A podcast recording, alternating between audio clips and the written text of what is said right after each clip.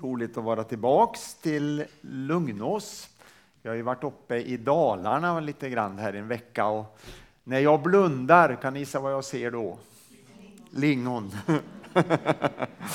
ja, lingon. Inte ett, inte tio, inte hundra, inte tusen, utan ja, det känns som ja, miljon kanske att ta i, men det, det var mycket lingon. Ja.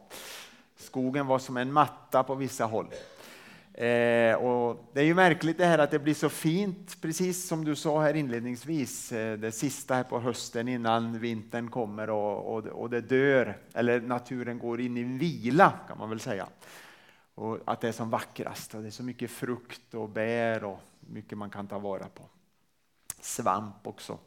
Det är väl det lite sämre med i Dalarna, det, det är det bättre med här. Men, men, men bär, det fanns det verkligen mycket.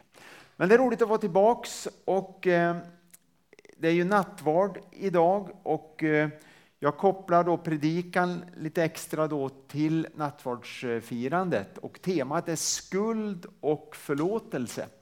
Vi har varit inne på det redan här inledningsvis som försoningsdagen som man kan läsa om i, i tredje Moseboken. Matteus 18 ska vi läsa. och 21 till 35.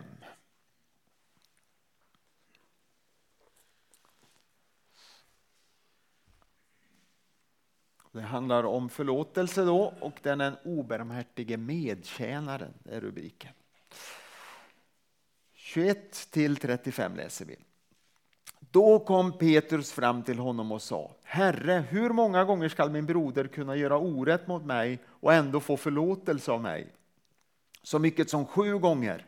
Jesus svarade, jag säger det inte sju gånger utan 77 gånger.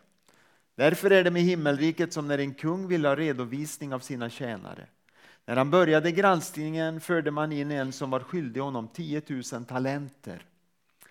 Eftersom han inte kunde betala befallde hans herre att han skulle skiljas tillsammans med, säljas tillsammans med sin hustru och sina barn och allt han ägde så att skulden kunde betalas. Tjänaren kastade sig ner och bönföll honom. Ge mig tid så skall jag betala allt sammans. Då kände hans herre medlidande med honom och lät honom gå och efterskänkte hans skuld. Men när tjänaren gick därifrån mötte han en annan tjänare som var skyldig honom hundra denarer. Han grep honom om strupen och sa betala tillbaka vad du är skyldig. Den andre kastade sig ner och bad honom ge mig tid så skall jag betala. Men han ville inte utan gick därifrån och lät sätta honom i fängelse tills skulden var betald. När de andra tjänarna såg vad som hände tog de mycket illa vid sig och talade om allt sammans för sin herre. Då kallade denne till sig tjänaren och sa Din usling, jag efterskänkte hela din skuld när du bad om det. Borde du inte ha varit lika barmhärtig mot din kamrat som jag mot dig? Och i sin vrede lät hans herre bödelsdrängarna ta hand om honom tills hela skulden var betald. Så skall min fader, min himmelske fader göra med var och en av er som inte av uppriktigt hjärta förlåter sin broder. Amen. Tack Herre för ditt ord idag. Välsigna det på våra hjärtan. I Jesu namn. Amen. Amen. Ja, skulden var enorm här som den här tjänaren hade till sin, sin herre. Och poängen med berättelsen är att det är en omöjlig skuld som han hade. Den gick inte att återbetala. Det var omöjligt. Och det är ju en liknelse hur våran skuld är till Gud. Vi kan inte betala tillbaks. Det är omöjligt. Men vi vet ju när vi läser Bibeln och av erfarenhet också att det finns en som har betalt och det är Jesus Kristus. Han gjorde det som var omöjligt för oss människor. Det gjorde Gud själv genom Jesus. Men vi människor kan inte betala tillbaks våra skulder till Gud. Och han använder talenter här, det är det högsta räknetalet, räkneordet.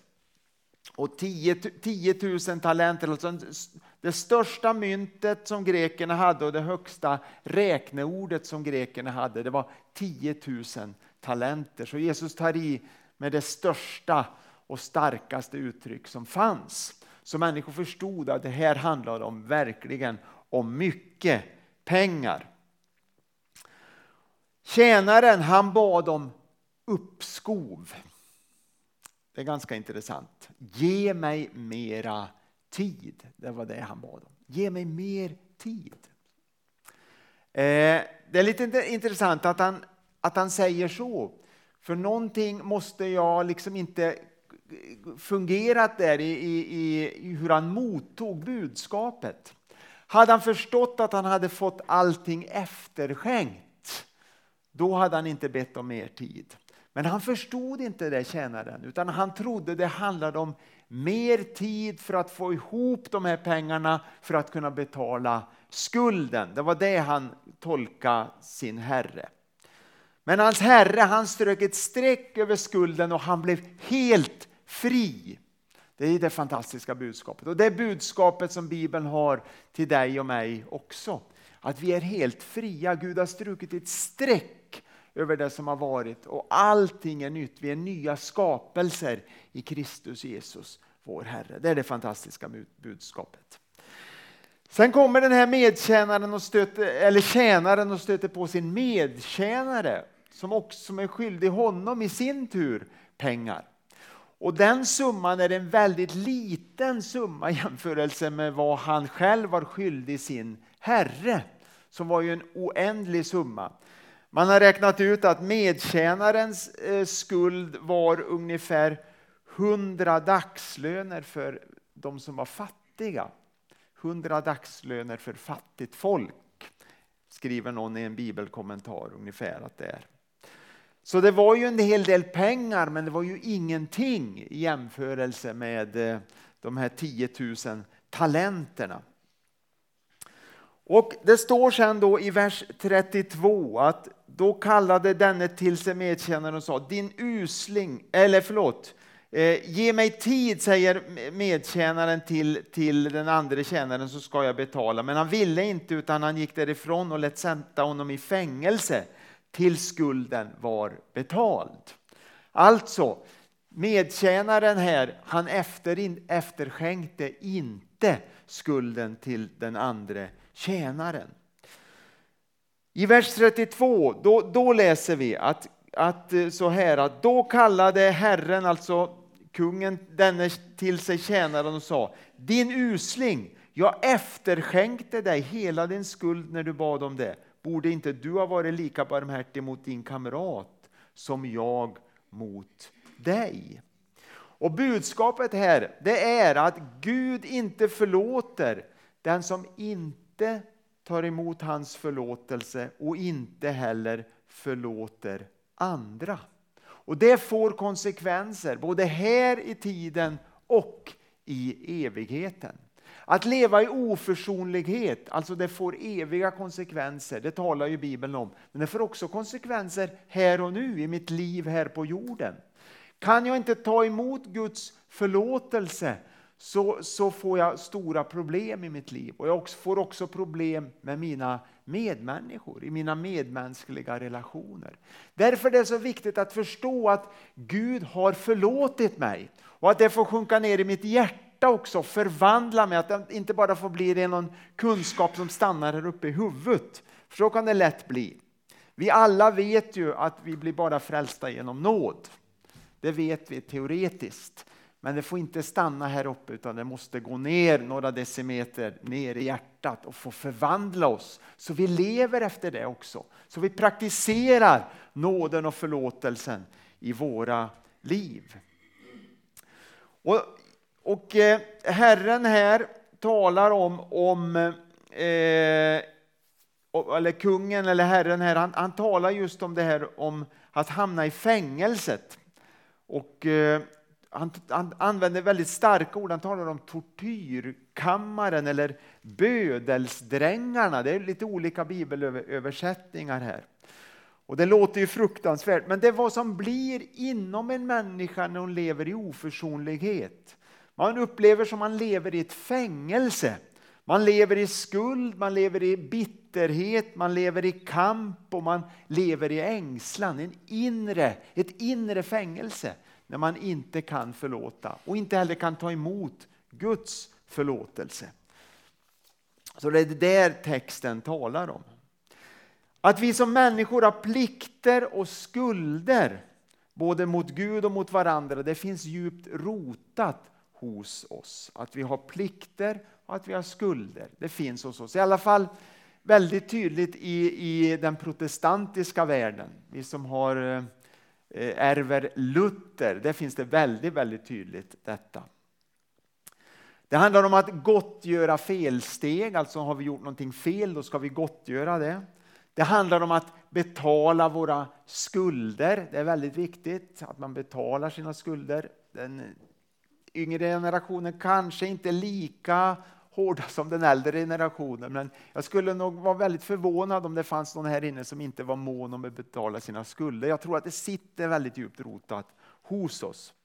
Och också att inkassera vad någon annan är skyldig oss. Det finns väldigt djupt också. Där är vi naturligtvis lite olika det med generositet och sådär. Men det ligger ändå hos oss det där att den som är skyldig oss något han ska betala tillbaks. Och det är ju väldigt mänskligt. Det berättas om eh, och talas om att man kan bli sjuk på grund av skuld. Och en del människor har emotionella problem, alltså och, och, eh, och, eh, och, fysiska problem på grund av att man bär på skuld. Det är liksom en ofrivillig bekännelse att man bär på skuld. Att man blir sjuk, både psykiskt och fysiskt. Och det är på något vis att man straffar sig själv på något sätt. Det talar eh, läkarvetenskapen om en del. Eh, det finns en eh, man som heter David Siemens. Han är professor i pastoralteologi, han är själavårdare, han är författare och han har skrivit en del böcker. Han talar om att det finns i huvudsak två orsaker till att evangeliskt kristna har emotionella, alltså känslomässiga problem. Och då vänder han sig till oss som är evangeliskt kristna. Då. Det första han säger då av de här två sakerna det är att vi har en oförmåga att ta emot förlåtelse. Vi har väldigt svårt att, att, att låta det sjunka ner i våra hjärtan och förvandla våra liv. Vi brottas med det. Tjänaren som jag sa innan, han missuppfattade sin herre. Han trodde att det handlade om att få mer tid för att samla in pengar och så betala tillbaka sina skulder. Fast det var en orimlig summa. Det var omöjligt att göra det. Men han fick mer än han någonsin hade kunnat drömma om. Han fick allt efterskänkt och det är så vi har fått också av Gud.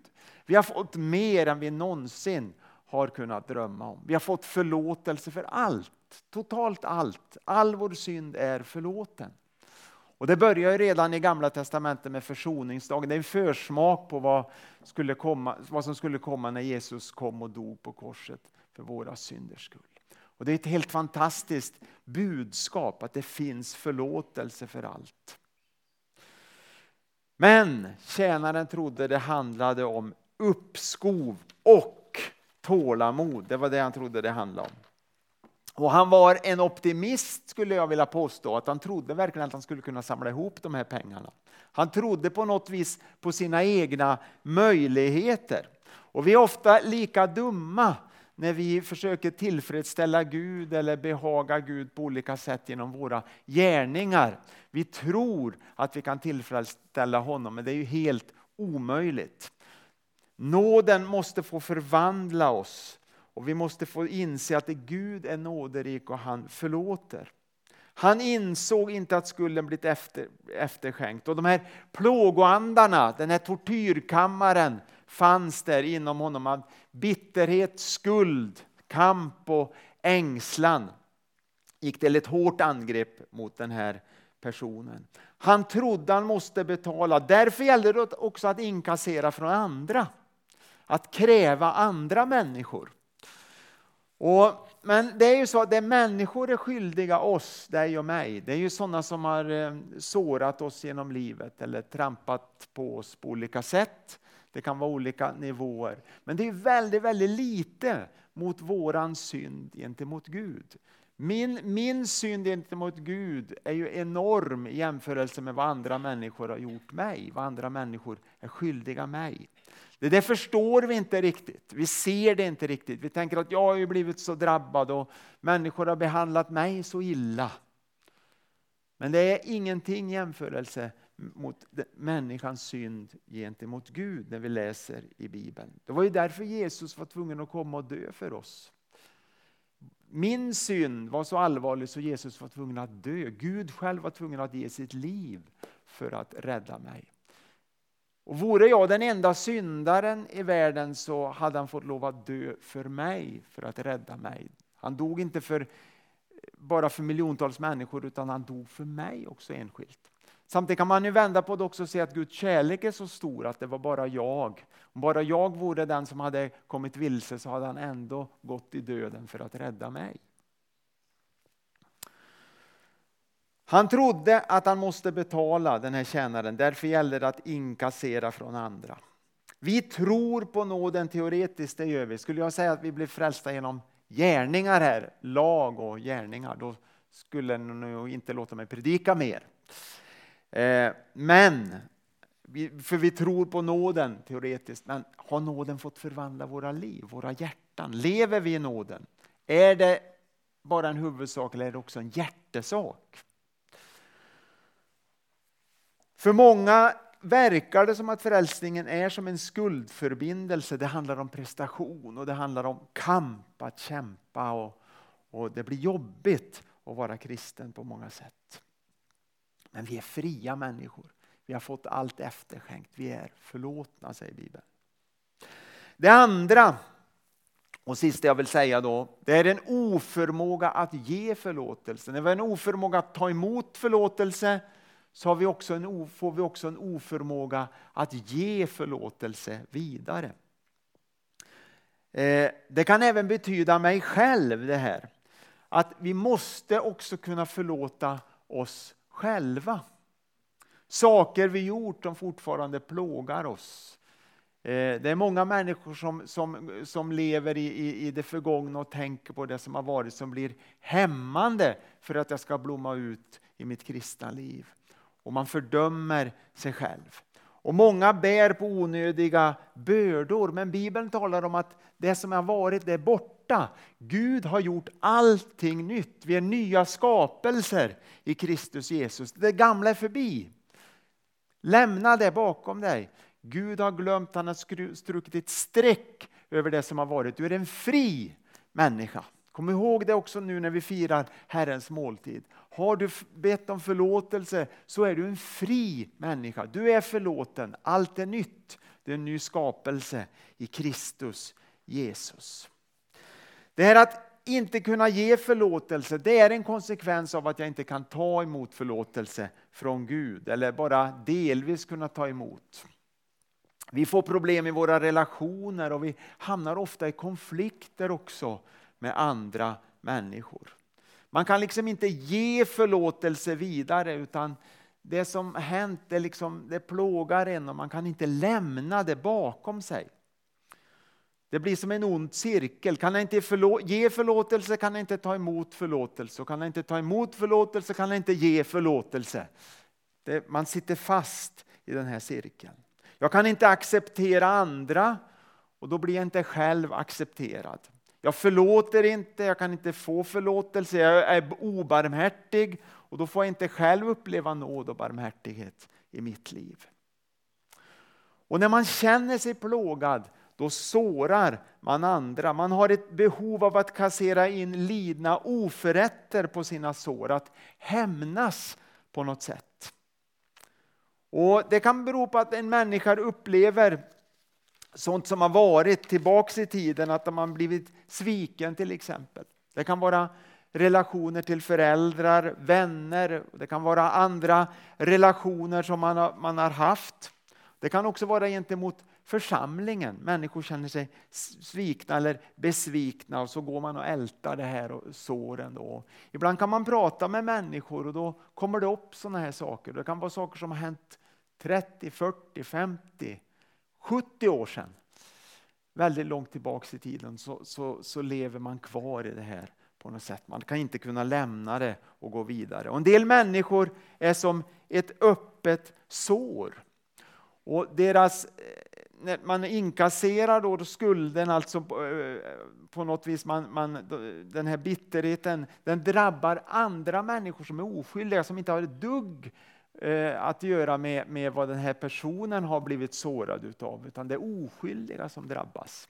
Och en del människor är som ett öppet sår. Hur kommer man ur det här då? Hur ska man kunna bli fri, en fri människa? Naturligtvis kan Gud göra under, han kan, han kan förvandla. Och eh, förbön är naturligtvis det allra viktigaste. Att vi får be för varandra, vi får, får lyfta upp varandra i förbön. Och Gud kan verkligen göra under och han vill göra under. Han vill förvandla, han vill förlåta, han vill hela de här inre såren. Men det kan handla om en process många gånger och människan är komplicerad. Vi är komplicerade. Det är som årsringarna på ett träd. Eh, du har säkert sett ett träd som har, eh, man ser det tydligt när det är nedsågat då, man ser på stubben så har det ringar, årsringar. Och då kan man läsa historien på trädet och räkna ut hur gammalt det är också. Ett träd kan vara väldigt gammalt. Eh, vi har ju ekar till exempel som är hundratals år, det är ju fantastiskt. Vilken historia! Och, men vi människor är som de här träden, gamla träden. Vi har årsringar och man kan läsa, läsa historien i våra liv, liksom olika skikt och så här. Sen har vi den här skyddande barken då som träden har och det är som ett skydd. Men skalas det här bort så då kommer det fram mycket saker när vi tar bort, skalar bort barken så att säga. Och då finns det väldigt mycket tillbaks som, som präglar oss, hur vi lever, hur vi ser på tillvaron. Så det handlar om några saker, helt kort. Att vara ärlig och öppen är viktigt för att kunna bli en fri människa.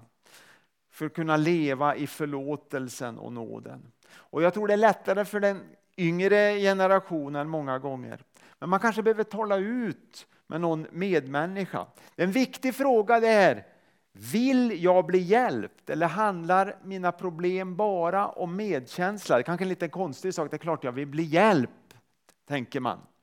Men Jesus frågar faktiskt i Johannes 5 och 6 till mannen vid Betesda om han vill bli frisk. Har du tänkt på det? Vilken konstig fråga.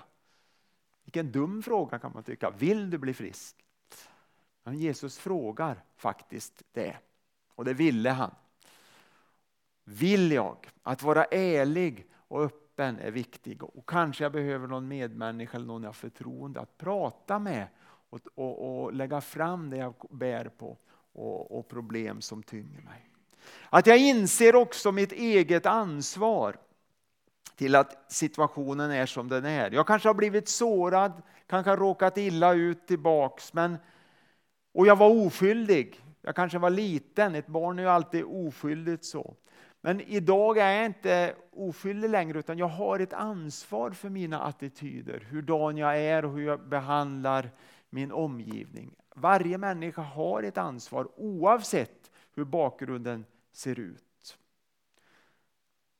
Därför är det väldigt viktigt att jag inser det också, att jag har ett ansvar och att jag kommer till Gud och ber om förlåtelse fastän jag är den drabbade, fastän jag ser mig som den drabbade så att jag också själv lever i förlåtelse och ber om förlåtelse för mina tankar, mina hämndbegär, min bitterhet och så vidare. Det här är väldigt viktigt för att kunna bli en fri människa. Jag måste själv inse mitt ansvar. Sen är det viktigt att förlåta all, alla som har vållat mig smärta. Och det är, ett, det är en, en början till helande. Det är en viljehandling. Att jag tar ett steg i en viljehandling och sen kommer känslorna. Kanske börja be för människor som jag har svårt för eller, eller tänker på som har gjort mig illa. Att be för dem, att välsigna dem. Jag behöver inte bli vän med alla, bästa vän med alla, det är inte det det handlar om. Men det handlar om att kunna förlåta för att jag själv ska kunna bli fri. Det är inte säkert människorna som har sårat mig tar emot eh, är intresserade av att jag förlåter dem heller, men det, jag talar för min egen skull. Att för att jag ska bli fri behöver jag förlåta. Det där är väldigt viktigt. Och så förlåta mig själv. Förlåtelse av synd, jag vet att jag har gjort saker som är fel, misstag, grämelse och en annan sak som vi talade om en annan söndag för inte så länge sedan är skam. Men många människor går och bär på skam, inte på grund av vad jag har gjort utan skam handlar om vem jag är. Jag är fel, inte i första hand att jag har gjort fel utan jag är fel på något vis. Man går och ser ner på sig. Det är också någonting som binder människor och låser människor och vi behöver bli fria från det här. Och i Jesu försoning så finns befrielse här också. Jag får upptäcka att jag är accepterad som den jag är av Gud. Jag är älskad som den jag är. Det är det som är så fantastiskt. Och i det finns ett helande och en upprättelse. Och så till sist, tillåta hjälparen, den helige ande att hjälpa mig och att leda mig. Tänk att han kallas för hjälparen, den helige ande, hjälparen. Han kan göra försoningsverket, det Jesus gjorde på korset. Han kan göra det till en praktisk erfarenhet och en verklighet i mitt liv. Inte bara en teori, utan när den heliga Ande verkar så gör han det levande och så blir det verkligt och så förvandlar det mitt liv. Och Du kan få uppleva ett under nu när du tar brödet och dricker vinet. Du kan få uppleva att, att det med förlåtelsen och Guds nåd det blir verkligt i ditt liv. Du kan lämna saker. Och vill du ha förbön så finns den möjligheten också. Antingen någon du sitter bredvid eller också om du vill ge dig till känna att sätta dig på en av bänkarna här framme så kan vi be för dig. Att Gud verkligen ska få befria dig från det som binder dig. Det är väldigt viktigt. Gud vill göra under i våra liv. Och som ett komplement kanske du också behöver gå vidare och tala med, med någon som du har förtroende för och så vidare. Det, finns det är en process allt det här handlar om. Men i, och i allt det här verkar den helige Ande, det är det som är så fantastiskt. Ibland verkar den helige Ande direkt, ibland gör han under direkt i våra liv och ibland använder han människor i vår omgivning för att hela och läka. Gud arbetar på olika sätt. Och Gud använder människor, det är ju därför att han har, därför församlingen finns. Annars skulle det inte behövas någon församling. Men det är väldigt viktigt att tänka att Gud använder bröder och systrar i min omgivning. Han kan använda vem som helst faktiskt. Vem som helst kan Gud använda för att hjälpa mig och välsigna mig. Bara jag är öppen för den helige Ande. Ja. Ska vi be tillsammans? Herre, tack för den här stunden. Tack att vi får samlas i ditt namn. Tack för förlåtelse och tack för försoning. Tack för upprättelse, Herre. Tack att vi ska få fira din måltid nu och tack för helande i våra liv. Tack för under i våra liv. Tack för förlåtelsen som är verklig. Herre, tack att vi får släppa alla bittra tankar, alla, alla oförrätter, allt sånt får vi bara kasta på dig Herre. Och tack att du vill befria oss, tack att du vill upprätta oss Herre. Vi prisar dig för det Jesus. Åh Herre. Tack för förlåtelsen, tack för nåden som du har gett oss. Vi prisar dig för det Herre. Vi lovar dig. I Jesu namn. Amen.